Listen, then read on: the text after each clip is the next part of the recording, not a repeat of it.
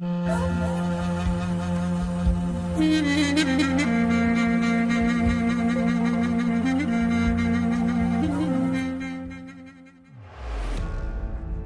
organize suç örgütü lideri Sedat Peker'in amacı kendinde gizli anlatımları, ardından eski mitçi Mehmet Eymür'ün bize göre eksik itirafları, fail meçhul cinayetlerin yeniden tartışılmasına vesile oldu.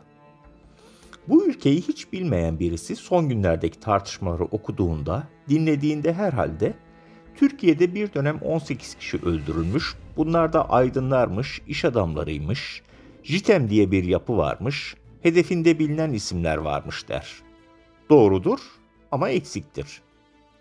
Biz de işte tam bu nedenle faili meçhul çarkının küçük dişilerinin öğütüp yok ettiği sıradan yaşamları konuşmak istiyoruz.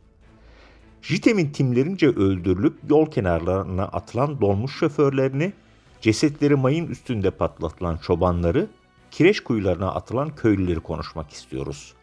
Sonrasında beraat kararı verilen, yeniden faili meçhul kalan yerel olayları konuşmak istiyoruz.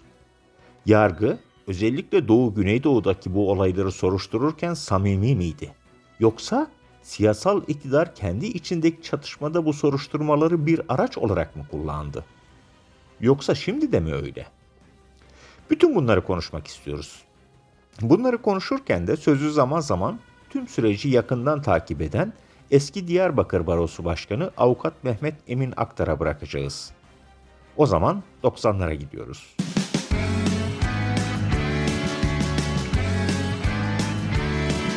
Kulağınız bizde olsun. Kısa Dalga Podcast. 14 Mayıs 1993'tü.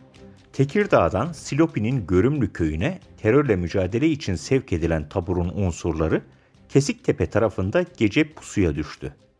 PKK ile güvenlik güçleri arasında çatışma çıkmıştı. 6 şehit vardı. Sabah ortalık sakinleyince tabura bir helikopter indi. Helikopterden Tugay komutanı Mete Sayar çıktı. Cebinden bir kağıt çıkardı. Tabur komutanı Hasan Basri Vural'a uzattı. Bu köylüler buraya getirilsin. Tabur komutanı Üsteğmen İbrahim Kıraç'ı çağırdı. Timini al, görümlüye git ve bu köylüleri getir. 60 asker köye girdi. Evleri tek tek dolaşıp herkesi köy meydanında topladı. Meydanda 200'e yakın köylü birikti. Üsteğmen cebinden listeyi çıkardı ve okumaya başladı. Mehmet Salih Demirhan, Hükmet Şimşek, Hamdo Şimşek, Abdülkerim Özdemir, Mihyedin Özdemir, Telli Özdemir, Halil Özdemir. Öne çıkın. Üsteğmen bir isim daha okudu ki meydandaki şaşkınlık arttı. İbrahim Akıl, köyün imamı. Köylüler tabura getirildi, bakım istasyonunun bulunduğu yerde toplandılar. Komutana tekmil verildi. Köylüler sıraya dizildiler, diz çöktürüldüler. Mete Sayar yanlarına gelerek ya bana bir PKK'lı yeri göstereceksiniz ya da erzak deposu göstereceksiniz ya da sizi öldüreceğim dedi. Köylülerden Mihyedin Özdemir ayağa kalktı ve daha önceden tanıdığı Sayar Paşa'ya komutanım biz PKK'lı değiliz dedi ama nafile. O dönem askerlik görevini yetir, yerine getirmekte olan Yusuf Özdemir'in yıllar sonra anlattıklarına göre de Sayar Paşa köylülere bakıp yakınındakilere emir verdi. Bu şerefsizleri öldürün. Hava yazı çalıyordu ama emir buz gibi soğuktu. Sonra helikopter havalandı ve içinde paşanın da olduğu halde Şırnak'a doğru pervane çevirdi. Ölümüne sorgu başladı. Grup dut ağacının dibinde oturuyordu. Bazıları dut ağacının yanından alınıp helikopter pistinin olduğu tarafa götürülüyordu. Kuytuya gidenler bir süre sonra görünmez oluyordu. Akşam olduğunda kuytudan 5-10 dakika boyunca silah sesleri geldi. Tanık anlatımlarına göre köylüleri önce rütbeli askerler ayak ve diz altından vurmuşlar, sonra lant araçlarıyla kafaları yere gelecek şekilde bağlamışlar ve tabur içinde 10-15 dakika dolaştırmışlardı. Sonra da askerlere emir verildi ve o emir üzerine askerler 6 köylüyü taradı. Bütün bunları o dönemde asker olan Yusuf Özdemir böyle anlatıyordu. Köylülerden Mihyedin Özdemir de yıllar sonra verdiği ifadede o dakikaları şöyle anlattı. Taburun içerisindeyken yaklaşık 10 metre mesafe ötemde 4 kişi bir kişiyi ayaklarından sürükleyerek götürdü. Sürüklenen kişi hareket etmiyordu. Ölmüş olma ihtimali yüksekti. Dut ağacının yan tarafında merdivenler bulunuyordu. Onu taşıyanlar kafasını merdivenlere vurdura vurdura aşağı doğru sürüklüyordu. Bir kişiyi de battaniyeye sarılı şekilde taşıdıklarını gördüm. Araba garajın arka tarafına doğru taşıdılar. Hala ayakta kalan köylüler akşam olduğunda taburdan salıverildi. Gün ağarınca ortaya çıkandı ki altı köylü kayıptı. Dönenler de evlerin yakıldığını gördüler. O dönemde asker olan Yusuf Özdemir soruşturma sırasında ilginç bir olay daha anlattı. Köylülerden birinin boynunda haç olduğunu, tabur komutanının emriyle bu haçın o kişinin boynundan alınıp imam olan İbrahim Akıl'ın boynuna taktıklarını anlattı. Bu haç daha sonraki yıllarda çok konuşulacaktı. Dönemin görümlü muhtarı Ahmet Temyer sonraki yıllarda verdiği ifadesinde köylülerin öldürüldüğünü, bazı evlerin askerler tarafından yakıldığını anlattı. Temyer'e göre bu emri de Mete Sayar Paşa vermişti. Temyer bu ifadesinden kısa bir süre sonra Görümlü taburuna çağrıldığını, burada üst düzey bir komutanın konuşma yaptığını, konuşmasında sizin imam Hristiyan çıktı, boynundan haş çıktı dediğini, kendisinin de İbrahim Akıl'ın Müslüman olduğunu, Hamdo Şimşek ve oğlunun Keldani yani Hristiyan olduklarını ve haçın onlara ait olduğunu söylediğini anlattı. Haçın hikayesi orada kalmamıştı. Görünümlü'de olup bitenler o dönemde PKK köy bastı, köylüleri öldürdü başlıkları altında basında haber olarak yer alıyordu. Gazeteci Nuriye Akman da tüm General Mete Sayar ile röportaj yapmıştı. Sayar Paşa bir taraftan terörle mücadelede elde edilen başarıları anlatırken söz İmam İbrahim Akıl'ın boynundan çıkan haça geldi. Mete Sayar gazeteci Akman'a şöyle diyordu. Size ilginç bir anımı anlatayım. Yaklaşık iki ay önce bir köyün imamlığını yapmış bir kişi eylem sırasında öldürüldü. Üzerinde eşyaları araştırıldığında boynundan haç kolye çıktı. Sünnetsiz olduğu görüldü. İmam bildiğimiz adamın Ermeni olduğunu gördük. Yorumsuz. Görümlü katliamı olarak tarihe geçecek olaydan sonra ailelerin başvuruları üzerine cılız soruşturma girişimleri oldu. 1994-95'te yapılan soruşturmaların olayı daha çok PKK'ya mal etme eğilimi gösterdiğini söylemek bile mümkündü. Şırnak Başsavcılığı 2013 yılına gelindiğinde biraz da faili meçhul cinayetlerin aydınlatılması rüzgarıyla iddianame düzenledi. İddianamenin 6 sanığı vardı. Tugay Komutanı Mete Sayar başsanıktı. İddianamede ölen köylülerin cesetlerine ulaşılamamakla birlikte asker tarafından görümlü taburuna götürüldükleri ve öldürüldüklerine dair çok sayıda tanık beyanı olduğu belirtiliyordu. Evet, bu iddianame köylülerin öldürüldüğünü kabul ediyordu ve bu yönüyle bir şeydi. Ama iddianame şunu sorgulamadı. Bu köylüler neden öldürüldü? PKK'ya yardım ettikleri için öldürüldülerse bunun hesabının ölümle mi yani yargısız infazla mı olması gerekiyordu? Sanık askerler nasıl bir yapılanma içindeydi? İddianame bunları sorgulamadı ve suçun tanımını birden ziyade kişiyi öldürmek olarak yaptı geçti. Hatta iddianame çete dememek için sanıklar bu suçu bir sefer işlediler. Devamlılık saptanmadığı için bir örgüt faaliyeti çerçevesinde işledikleri kabul edilemez diyordu. Şırnak Ağır Ceza Mahkemesi'nde açılan dava daha ilk duruşması yapılırken güvenlik gerekçesiyle Ankara'ya nakledildi. Sanıklar birden çok kişiyi öldürmekten yargılanıyordu ama hiç tutuklanan yoktu. Ankara 9. Ağır Ceza Mahkemesi 2 yıllık yargılama sonunda beraat kararı verdi. Yargıtay da beraat kararını onadı. İşin özeti şuydu. Altı köylünün ölümü kesin olarak faili meçhul olarak kalıyordu. Ve dört ayaklı minare önünde katledilen Tahir Elçi'nin Görümlü'de verdiği hukuk mücadelesi yargıya takılmıştı. Yargı neden böyle davranıyordu? Bunu avukat Mehmet Emin Aktar'a soracağız. Ama önce bir garip çoban hikayesini anlatalım, sözü aktara ondan sonra bırakalım. 1995 yılında Hakkari'de bir çoban öldürüldü. Nezir Tekçi. Nezir Tekçi koyunlarını satmak için yüksek ovaya götürecekti. Ama bunun için nakil belgesi gerekiyordu. Bu belge de jandarmadan, komutandan alınırdı. Tekçi yola çıktı. Yolda giderken askerler durdurdu. Ayaküstü sorgu sualden sonra tekçinin kıyafetlerinden şüphelenen askerler yakaladıkları kişiyi Yüzbaşı Ali Osman Akın'ın yanına getirdiler. Nezir Tekçi durumu yüzbaşıya anlattı ama ikna edemedi. Yüzbaşı Tekçi'ye sordu. Teröristlerin sığınakları nerede? Bize oraları göster. Tekçi bilmediğini, kendisinin teröristlerle bir ilgisinin olmadığını anlattı ama fayda etmedi. Yüzbaşı bu kez timdeki askerlere döndü ve seslendi. İçinizde kaç tane Kürt var? Timden 23 asker bir adım öne çıktı. Yüzbaşı bu askerlere emir verdi. Siz Kürtsünüz, o da Kürt, ateş edin. Askerler önce şaşkınlıkla birbirine baktılar. Ama yapacak bir şey yoktu. Nezir Tekçi yere düştü. Yüzbaşı bu kez mayıncıyı çağırdı. Nezir Tekçi'nin bedeni mayının üzerine konuldu. Mayın uzaktan patlatıldı. Sonra görünen tek şey tekçinin havaya uçuşan elbise parçaları oldu. Bunlar iddiaydı. Nezir Tekçi'nin babasının da iddiaları.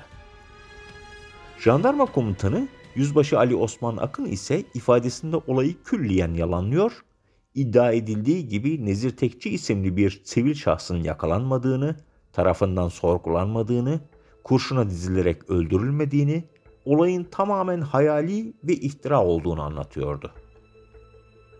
Soruşturmanın evrakı askeri savcılıkta arşiv düzenlenirken imha edilivermişti. Sivil savcılık yeniden evrak topladı. İfadeleri aldı ve soruşturma sonunda Yüzbaşı Ali Osman Akın hakkında canavarca his ve işkence ile kasten insan öldürmekten dava açıldı. Uzatmayalım. Çoban Nezir Tekçi'nin davasında da beraat kararı verildi. Her iki olaya ilişkin iddianameye baktığımızda sanki komşular kavga etmiş de birbirlerini öldürmüşler, davanın taraflarından biri devlet değilmiş gibi duruyor. Özellikle Görümlü davasında o sanıklar nasıl birlikte hareket etti, burada bir organizasyon yok muydu, savcılar bunu hiç sormadı. Suçu birden ziyade kişiyi öldürme olarak tanımladı geçti. Jitem'den zaten hiç bahsedilmedi.'' Bunun nedenini Diyarbakır Barosu'nun önceki başkanlarından avukat Mehmet Emin Aktar'a sorduk. Aktar zaten o dönemdeki davaların devlet koruma refleksiyle açıldığına dikkat çekip şunları söylüyor. Bundan kaçınmanın temel nedeni çünkü JITEM e, aslında bütün organizasyonu e, Lice davası ve Musa Anter cinayeti davalarında şematik olarak ortaya konuldu. Belgeleriyle konuldu. İddianamelerinde mevcut onlarda. Sonraki yıllarda tabii bunlar ortaya kondu. Yani 2012'ye geldiğimizde e, bunlar yazıldı. E, belgeler de kondu. Birçok kişinin JITEM mensubu olduğu için bordrolarında JITEM diye yazılı maaşlar aldıkları. E, JITEM tabii farklı bir organizasyon. İtirafçıları kullanıyordu. Önemli ölçüde itirafçıları kullanıyordu. E, korucuları kullanıyordu.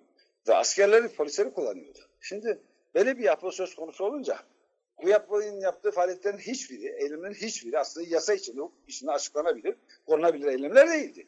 İnsanları kaçırıyorsunuz, işkence ediyorsunuz, sorguluyorsunuz, öldürüyorsunuz. Bunu hukuk kabul etmiyor zaten. Mevzuat içinde bunun yolu yok. Buna izin veren bir yolu Bu, bu fiili bir durum. Bir pratik diyor. Pratik böyle işliyor. Şimdi bunu biliyor. Bizim bizim kadar soruşturma yürüten savcılar da yargılama yapan mahkemeler de biliyor. Şimdi mahkemeler bu mesele bir örgüt kurma meselesi açısından baktığında kamu ajanlarının, devlet ajanlarının bir silahlı örgüt kurdukları ve bu örgütün korku ve tehdit yarattığını, aslında terörizme başvurdu, çok açık biçimde terör faaliyetlerinde bulunduğunu kabul etmek olurdu ki devlet yetkisini kullanan kişilerin bu şekilde suçlanmaları devletin suçlanması anlamına da geleceği için böyle bir reflektif bir durumda asla ve asla buna yanaşmadılar. Oku, dinle, izle. Kısa Dalga. Siz şimdi bu yayını dinleyen, yazıyı okuyan biri olarak bize Hani JITEM'i bu yapılanmanın kılcal damarlarını konuşacaktık diye soracaksınız. Sırası geldi. Gelin Kızıltepe'ye gidelim. Zamanı da biraz geri alıp 1992-1996 yıllarında orada olalım. JITEM'in kılcal damarlarını 22 köylünün yol kenarına bırakılan, kireç kuyularına atılan bedenlerinde bulacağız. Biz bulmayacağız. Savcılığın bulduklarını aktaracağız. Ama peşinen söyleyelim, sonu yine faili meçhul bitecek. Hatta peşinen söyleyelim ki bu JITEM tespitleri belki de AKP FETÖ çatışmasında yargının bir taktiği olarak karşımıza çıkacak. Ergenekon soruşturması sırasında Aydos isimli bir gizli tanık Mardin Kızıltepe'de yaşananları ve bağlantılarını anlattıktan sonra bölge savcılıklarında bir dizi soruşturmalar başladı. Yıllardır yakınlarını arayan, daha doğrusu artık aramayan, sadece öldüklerini tespit edilip cenazelerinin bulunmasını isteyen Kızıltepeli köylüler yeniden savcılıkların yolunu tuttu bu dönemde. Mardin Başsavcılığı'nın yaptığı ilk işlerden biri gelen başvuruların tekil soruşturmalarını JITEM ana soruşturmasının dosyası ile birleştirmek oldu. Böylelikle kayıp ve ölüm olaylarının soruşturulması JITEM soruşturmasıyla birleşti. Her biri ayrı ayrı kitap konusu olacak olan olaylar, o nedenle biz bunları özetleyerek fotoğrafını çekmeye çalıştık. Özetleyelim. Fatma Tunç, Kengerli köyünde oturuyordu. Savcılığa gitti ve dedi ki, 9 Şubat 1994'te evimizde otururken iki araba yanaştı. İçinden çıkan 6 kişi eşim Yusuf Tunç'u da alıp götürdü. Eşimin önce gözaltında olduğunu öğrendim. Sonra da cesedinin Katarlı köyündeki su kuyusunda olduğuna dair duyumlar aldım. Savcılık kuyunun açılmasına karar verdi. Anlatacaklarımız bir korku filmini andırıyor. Üstelik film icabı değil, gerçek. Katarlı köyündeki su kuyusunun başına gelindi. Kuyunun üstündeki beton kaldırıldı. Kuyu açıldığında derin olduğu görüldü. Tıpkı o kuyuyu kullanıp ağzını betonla kapatanlar kadar derin. Selim Enç isimli vatandaş beline ip bağlanarak kuyuya indirildi. Pis bir koku vardı. Selim'in ilk rastladığı bir insan cesedi oldu. Kafatası ve kol kemikleri yoktu. Üstünde kilim desenli, hardal sarısı bir kazak, siyah pantolon, yeşil renkli iki çift çorap ve iki çift terlik. Cesedin yanında üç boş bidon vardı. Ceset çıkarıldı. Kuyuda 23 boş bidon daha bulundu. Bidonlardan birisinin ise içi tamamen kireç doluydu. Diğerlerinde kireç kalıntısı vardı. Kuyudan başkaca insan kemikleri de bulundu. Bu kemikler de tutanağa insana ait olduğu değerlendirilen muhtelif sayıda kemik olarak geçecekti. Bu kemiklerin dış kısmında yeşil krem renkli bir süveter, parçalanmış krem renkli gömlek vardı. Kuyunun artık en derinlerine inilmişti. Kireç kaplıydı. En dipte urganlar ve ipler vardı. Ve bir de insana ait bir kafatası ve alt çene kemiği. Ve televizyon anteni kablosu. Urganlar ve iplerin bazıları bu kabloya düğümlenmişti. Kuyudan bir de kadın eteğine ait olduğu değerlendirilen bez parçası çıkmıştı. Buna bir anlam verilemedi. Bunun anlamı daha sonra ortaya çıktı. Birazdan anlatacağız. Ve JITEM bağlantısını da orada kuracağız. Ve kuyudan bir de plastik top çıktı. Kuyunun masum olduğu zamanlarda çocukların oynarken işine kaçırıp arkasından ağladıkları bildiğimiz plastik top. Çalışmalara son verildi. Kuyunun kapağı tekrar betonla kapatıldı. Yapılan teknik inceleme sonunda cesetlerin asıl aranan Yusuf Tunç'a değil de 27 Ocak 1995'te evlerinden götürülen Nurettin Yalçınkaya ve Necat Yalçınkaya'ya ait olduğu anlaşıldı. Bütün bunların JITEM'le bağlantısı neydi? Şimdi oraya geliyoruz. Kuyudan Necat ve Nurettin Yalçınkaya'ya ait cesetler bulundu. Ama gizli tanık Oğuz, o kuyuda daha fazla ceset vardı. JITEM elemanları öldürdükleri kişileri o kuyuya atıyordu diye ifade veriyordu. Bunun üzerine kuyu tamamen yerinden kaldırıldı ve tekrar arandı. 33 parça insan kemiği daha ortaya çıktı. Başka bir kafatası çıkmayınca bu kemikler önce daha evvelki aramada bulunan Necat ve Nurettin Yalçınkaya'nın kalan diğer kemikleri olarak değerlendirildi ama yine de adli tıpa gönderildi. Adli tıptan şaşırtan bir rapor geldi. Rapor şöyle diyordu. Kemiklerin Necat Yalçınkaya ve Nurettin Yalçınkaya isimli şahısların dışında iki tanesi çocuk, bir tanesi bayan ve iki tanesi de erkek şahıs olmak üzere toplam 5 ayrı kişiye ait olduğu belirlenmiştir. Az önce kuyudan çıkanları sıralarken bahsettiğimiz kadın eteğine ait olduğu değerlendirilen bez parçası şimdi etek kemiğe bürünüyordu.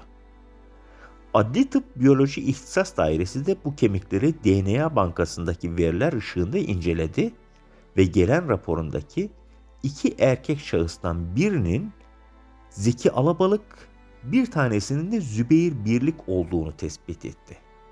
Bu iki isim Jitem'in en fazla iz bıraktığı cinayetti. Kimdi bu Zeki Alabalık ve Zübeyir Birlik? Zübeyir Birlik PKK terör örgütüne yardım ve yataklıktan ceza alan Kemal Birlik'in kardeşiydi. Zeki Alabalık da kendisi PKK'ya yardımdan mahkum olmuş biriydi. Kızıltepe cezaevinde 1992'de birlikte girdiler. 28 Mayıs 1995'te de birlikte tahliye oldular. Kızıltepe dosyasındaki bilgilere göre her ikisi de cezaevindeyken dönemin Kızıltepe Jandarma Komutanı Hasan Atilla Uğur'un yakın takibindeydiler. Hasan, Hasan Atilla Uğur da Ergenekon ve soruşturması başta olmak üzere birçok soruşturmada JITEM'in Kızıltepe ekibinin başındaydı. Timinin adı Bıçak Timi'ydi. Atilla Uğur'un yargılandığı bu davada dinlenen tanık anlatımlarına göre Atilla Uğur cezaevindeyken bu iki hükümlüye çıkışını bayram günü bekliyorum. Sizi buradan sağ çıkarmam. Beni sorun çevrendekiler bilirler gibi sözler söylüyordu. İşte Katarlı köyündeki kuyuda ikinci aramada kemiklerin bir kısmı çıkan Zübeyir Birlik, cezaevinde bunları yaşayan Kemal Birlik'in kardeşi, Zeki Alabalık da o mahkumdu. Zübeyir Birlik kardeşi Kemal cezaevinden çıkarken onu karşılamaya gidenler arasındaydı. Tahliyeden sonra çarşı içinde yürürlerken önleri askeri araçla kesilmiş, bir daha kendilerinden haber alınamamıştı. Aslında dönemin Kızıltepe İlçe Jandarma Komutanı Atilla Uğur'un sanık olduğu dava dosyasında kaybolan ve ardından cesedi yine bir kuyuda yol kenarında bulunan daha çok isim vardı. Örneğin Mahmut Abak, Mehmet Emin Abak vardı. Jitem'in bölge halkının kıyafetleriyle gelip öldürerek cesetlerini yol kenarına bıraktığı iddia edilen İzzettin, Mehmet Ali, Nurettin, Abdülvahap, Taceddin, Abdülbaki Yiğit vardı. Ama bu kadarı yeter deyip Kızıltepe davasına bütün bu saydığımız ve üzerinde konuştuğumuz cinayetlerden sorumlu tutulan bıçak timinin yargılandığı davaya dönelim. Evet Kızıltepe'de 1992-1996 yılları arasında işlenen cinayetlerden, kayıplardan başlarında Atilla Uğur'un olduğu iddia edilen bıçak timi sorumlu tutuluyordu. JITEM'in kılcal damarlarından bıçak timi. Türk Silahlı Kuvvetleri'nden albay olarak emekli olan Hasan Atilla Uğur ve dönemin Diyarbakır İl Jandarma Komutanı Albay Eşref Hatipoğlu ile beraber 9 sanığın yargılandığı dava güvenlik nedeniyle Ankara 5. Ağır Ceza Mahkemesi'nde görüldü. Sonuç mu? Tüm sanıkların beraatine. Mahkemeye göre ne bıçak timi vardı ne 22 ölümle bu sanıkların ilgisi vardı. İddianame bu cinayetleri bu sanıklar işledi diyordu ama mahkeme hayır işlemedi diyordu. Biz temiz makamı değiliz. Biz gazeteci olarak bildiklerimizi ortaya koyduk. O kadar. Bildiğimiz bir tek şey var. Mahkemeden çıkan bu beraat kararıyla 1992-96 yılları arasında Kızıltepe'de kaybedilen, öldürülen 22 kişinin faili meçhul kaldı. Bütün bu süreci incelendiğimizde yargının soruşturma kısmının 2009-2013 yılları arasında çekingen olsa da bir kararlılık içinde olduğunu gördük. Ama bir şey daha gördük ki 2014 Hakimler ve Savcılar Yüksek Kurulu seçiminden sonra mahkemelerin beraat kararlarında savcılıklardaki çekingen kararlılık bile aranır olmuştu. Peki ne olmuştu? Savcılıklar önce devlet görevlilerini sanık sandalyesine oturturken hatta onları JITEM ile bağlantılandırırken mahkemeler neden beraat kararı veriyordu? Yoksa bütün bunlar siyasi iktidar içindeki çatışmada yargının aparat olarak kullanılması mıydı? Yani gerçek amaç faili meçhul cinayetleri aydınlatmak değil miydi? Sanırız benzer kaygıyı Mehmet Emin Aktar da duyuyor. Aktar, Cizre Jitem davasını eksene alıp şunları söylüyor. Önce Cizre Jitem davası diye dönemin Cizre 1993-95 yıl arasında Cizre Jandarma Komutanlığı'nı yapan Cemal Demiröz ve sonrasında e, itirafçılar, bir kısım itirafçılar ve köy korucuları gözaltına alındı, tutuklandı. Uzun süre tutuklu yargılandılar. 20 kişinin öldürmesinden sorumlu tutuyorlardı. Bunlar aslında Cizre'de o dönemde işlenen cinayetlerin bir kısmıydı. E, savcılık bunlara ilişkin belgeleri tamamlayabilip davayı açtığını, diğer davanın soruşturmasını sürdüğünü söylemişti. E, çok uzun süre sonra değildi ama kısa bir süre sonra aslında buradaki bu soruşturmanın yürütülmesinde, davanın açılmasındaki temel amacı devlet içindeki bir iktidar mücadelesinden kaynaklandı. İşte Fethullah Gülen cemaatine yakın olan yargı mensuplarının e, daha önceki işte daha devletçi bu işte Ergenekon damarından beslenen e, kesimlere karşı e, devlet iktidarını ele geçirmek için bir mücadele yürüttüğünü ve bu davalarında, bu soruşturmalarında o mücadelenin bir parçası olarak yürüttüğünü anlamış olduk. Ama bu arada böyle olunca da hiç olmazsa bir döneme ilişkin bazı olaylarda hakikate ulaşabilir düşüncesiyle birçoğumuz, birçok avukatlar dahil olmak üzere birçok arkadaşımızla birlikte bu sürecin içinde aktif yer aldık. Mağdurların avukatını üstlenerek. Ne oldu peki sonra? 2013'e gelindiğinde yani o meşhur 17-25 Aralık sürecinden sonra e, siyasal iktidarla bu Fethullah Gülen cemaati arasındaki çatışmadan sonra başka anlaşmalar devreye girdi ve o günden itibaren e, bu davalar önce güvenlik sebebiyle bölgeden kaçırıldı. İşte Kırıkkale'ye götürdü, Ankara'ya gitti, Eskişehir'e gitti. Böyle gitti. Yani birçoğumuzun aslında güvenlik tehdidi altında olduğumuz yerlere gitti. Çünkü bizim güvenliğimiz artık tehdit altındaydı, mağdurların güvenliği tehdit altındaydı ve mağdurlar ulaşamadı. Örneğin Cizre Citem davası Diyarbakır ve Cizre'den sonra Eskişehir'e gönderilmişti. Diyarbakır ve Cizre'deyken tek bir olay yaşanmamıştı. Ama Eskişehir'e gittiğinde avukat arkadaşlarımız adliye girerken neredeyse saldırı riskiyle karşı karşıya kalmışlardı. Bu açıdan bakıldığında e, şeydi yani bunun aslında bir işaret bir şeydi. Bu andan sonra da devletin e, buna ilişkin bakışının geriye dönüş şeklinde 1990'lardaki bakışa dönme şeklinde olduğunu anlamış olduk. E, ve davalar peş peşe beraatla sonuçlandı. Bugüne kadar hangi bir mahkeme kararı yok. Gelin isterseniz şu soruları sorarak bitirelim. Acaba Ankara faili meçhul cinayetler davasındaki beraat kararının istinaf mahkemesince bozulması da Mehmet Eymür'ün konuşması da şimdi siyasi iktidar içindeki bir başka güç yarışının bir sonucu mu? Kısa Dalga podcastleri Demet Bilge Erkasab'ın editörlüğünde Mehmet Özgür Candan'ın post prodüksiyonu ve Esra Baydemir'in hazırladığı görseller ile yayınlanıyor. Kısa Dalga'ya destek vermek için Patreon sayfamızı ziyaret edebilirsiniz.